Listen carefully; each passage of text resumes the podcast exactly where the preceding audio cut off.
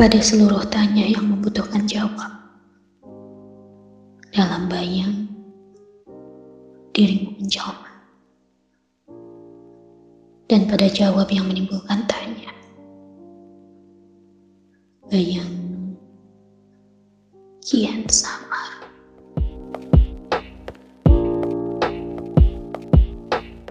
Teruntuk terang yang menjadikan bayang kian gelap dan teruntuk gelap yang menjadikan terang kian benderang, kukisahkan sebuah cerita, sebuah cerita tentang keikhlasan, tentang bagaimana pada segala lebih yang menjadi kurang, maaf akan terucapkan.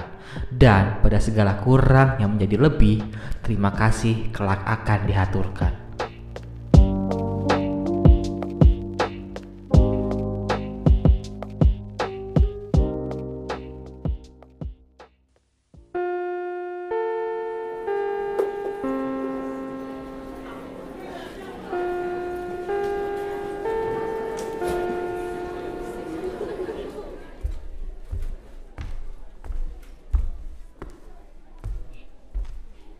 Seorang pemuda dengan goyah melangkahkan kakinya menapaki satu persatu anak tangga yang menuju ruang kesenian yang terletak di lantai dua sekolahnya. Bulir keringat nampak turun jatuh dari pelipis. Bukan hanya karena cuaca di tengah bulan Agustus yang terasa cukup menyengat, keringat itu juga hadir karena perasaan tak menentu. Perasaan yang berasal dari sebuah pesan singkat yang masuk ke handphone Nokia 3600 miliknya selepas ia pulang Jumatan beberapa saat yang lalu. Beberapa siswa lain yang nampak mengenakan seragam abu-abu sempat mengajak pemuda yang kini tengah menyeka keringat itu untuk mampir di penjual batagor di depan sekolahnya yang berada di kawasan Bandung Timur itu. Tapi sang pemuda yang memiliki potongan rambut Morrissey itu menolak. Dibuangnya rokok jarum black cappuccino yang sempat menghias raja marinya. Dihempaskannya ke tanah, diinjak hingga baranya padam. Bara boleh padam, tapi gelisah belum juga mereda. Dengan goyah, ia menuju ruang kesenian, meninggalkan beberapa temannya yang nampak tengah tertawa bersenda gurau, seolah-olah menertawakan keadaannya yang kini tengah gundah gulana.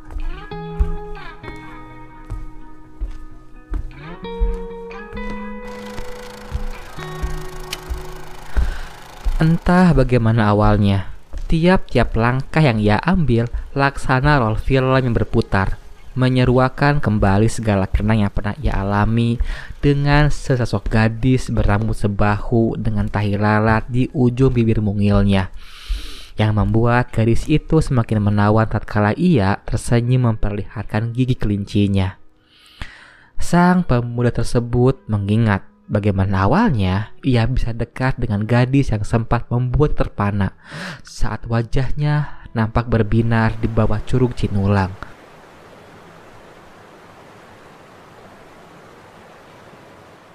Kemudian ia masih ingat bagaimana debaran jantungnya saat lima jari miliknya dan lima jari mungil milik gadis tersebut saling bertaut bersatu di dalam angkot Cicadas Cibiru sepulang mereka dari stasiun Cimekar malam itu.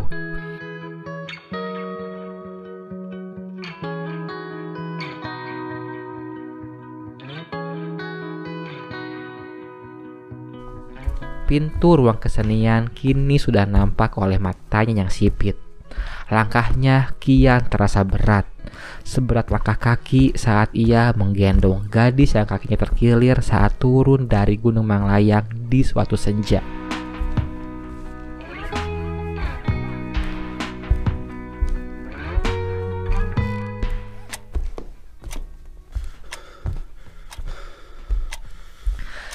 Tiap detik yang berganti, tiap hembusan nafas yang ditarik tak juga meredakan sesak di dalam dada. Seperti saat ia menahan emosi ketika mereka bertengkar di sepanjang jalan Ibu Inggit Karnasih, yang mana akhirnya sang gadis itu menelpon seorang mantan pacarnya. Lantas mereka pulang berdua meninggalkan sang pemuda itu di bawah guyuran hujan yang mendaru deras.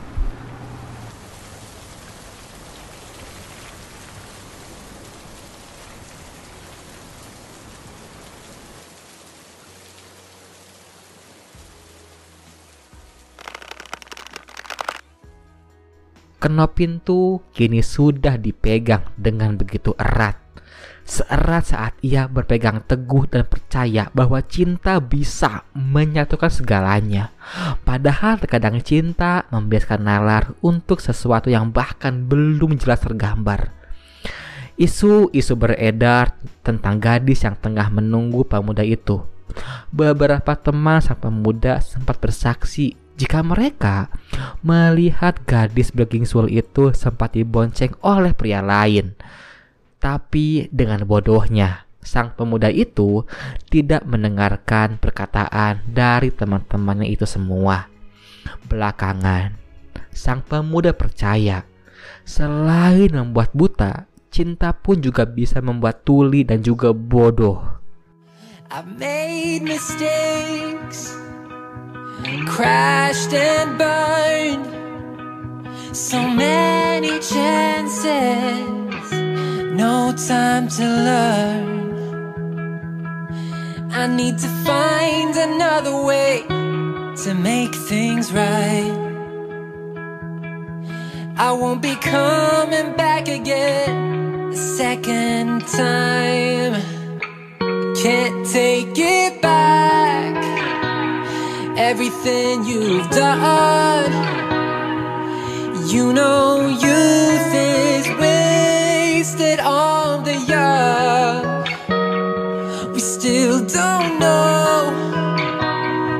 where we belong. Time will tell us where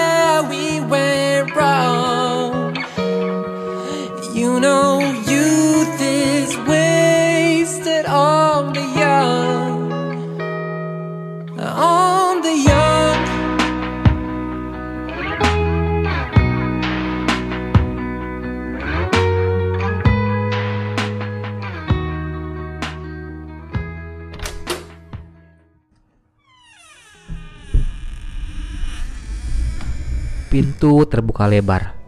Semilir angin menyerbu ruang yang pengap itu.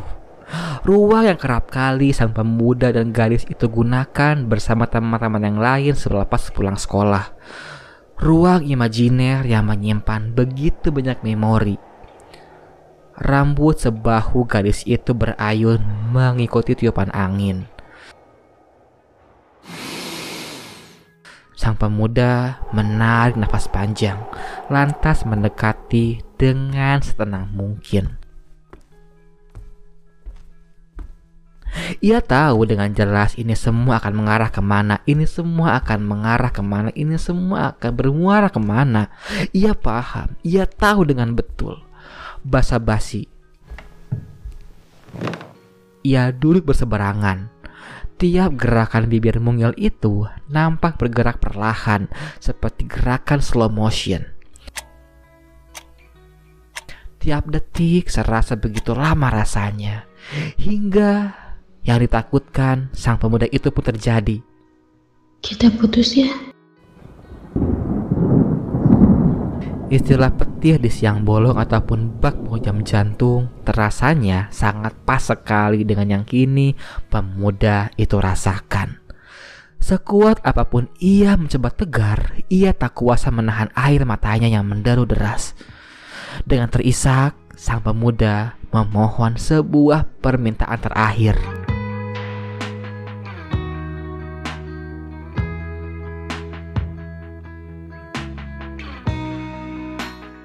Ruang imajiner itu sekali lagi menjadi saksi, menambah kenangan, menyimpan memori saat dua insan berpelukan dengan keikhlasan untuk yang terakhir kalinya dihiasi oleh tangis yang menderu deras. Status relationship di Facebook yang semula in relationship with kini berubah menjadi it's complicated Unggahan kemesraan yang menghias lini masa dan tersimpan di album yang bertajuk titik dua bintang kini sudah tak lagi terlihat. Mungkin ia sukses menghapus kenangan secara digital, tapi tidak dengan segala kenangan yang tersimpan di dalam ruang imajinernya.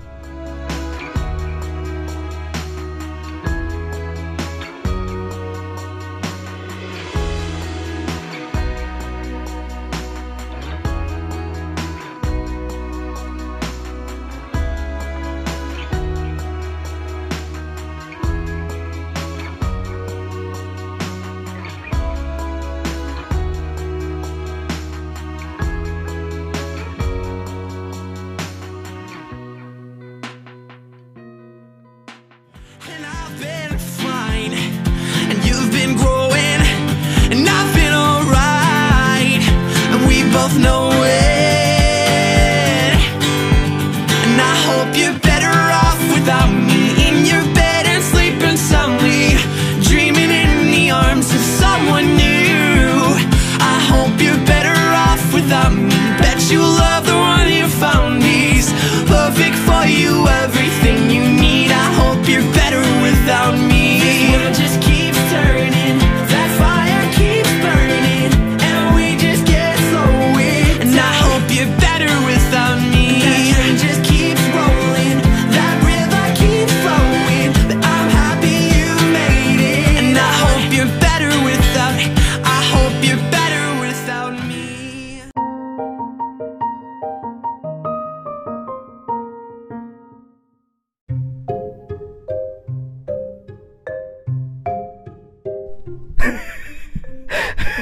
Wait, wait, wait, tolong, tolong sabar.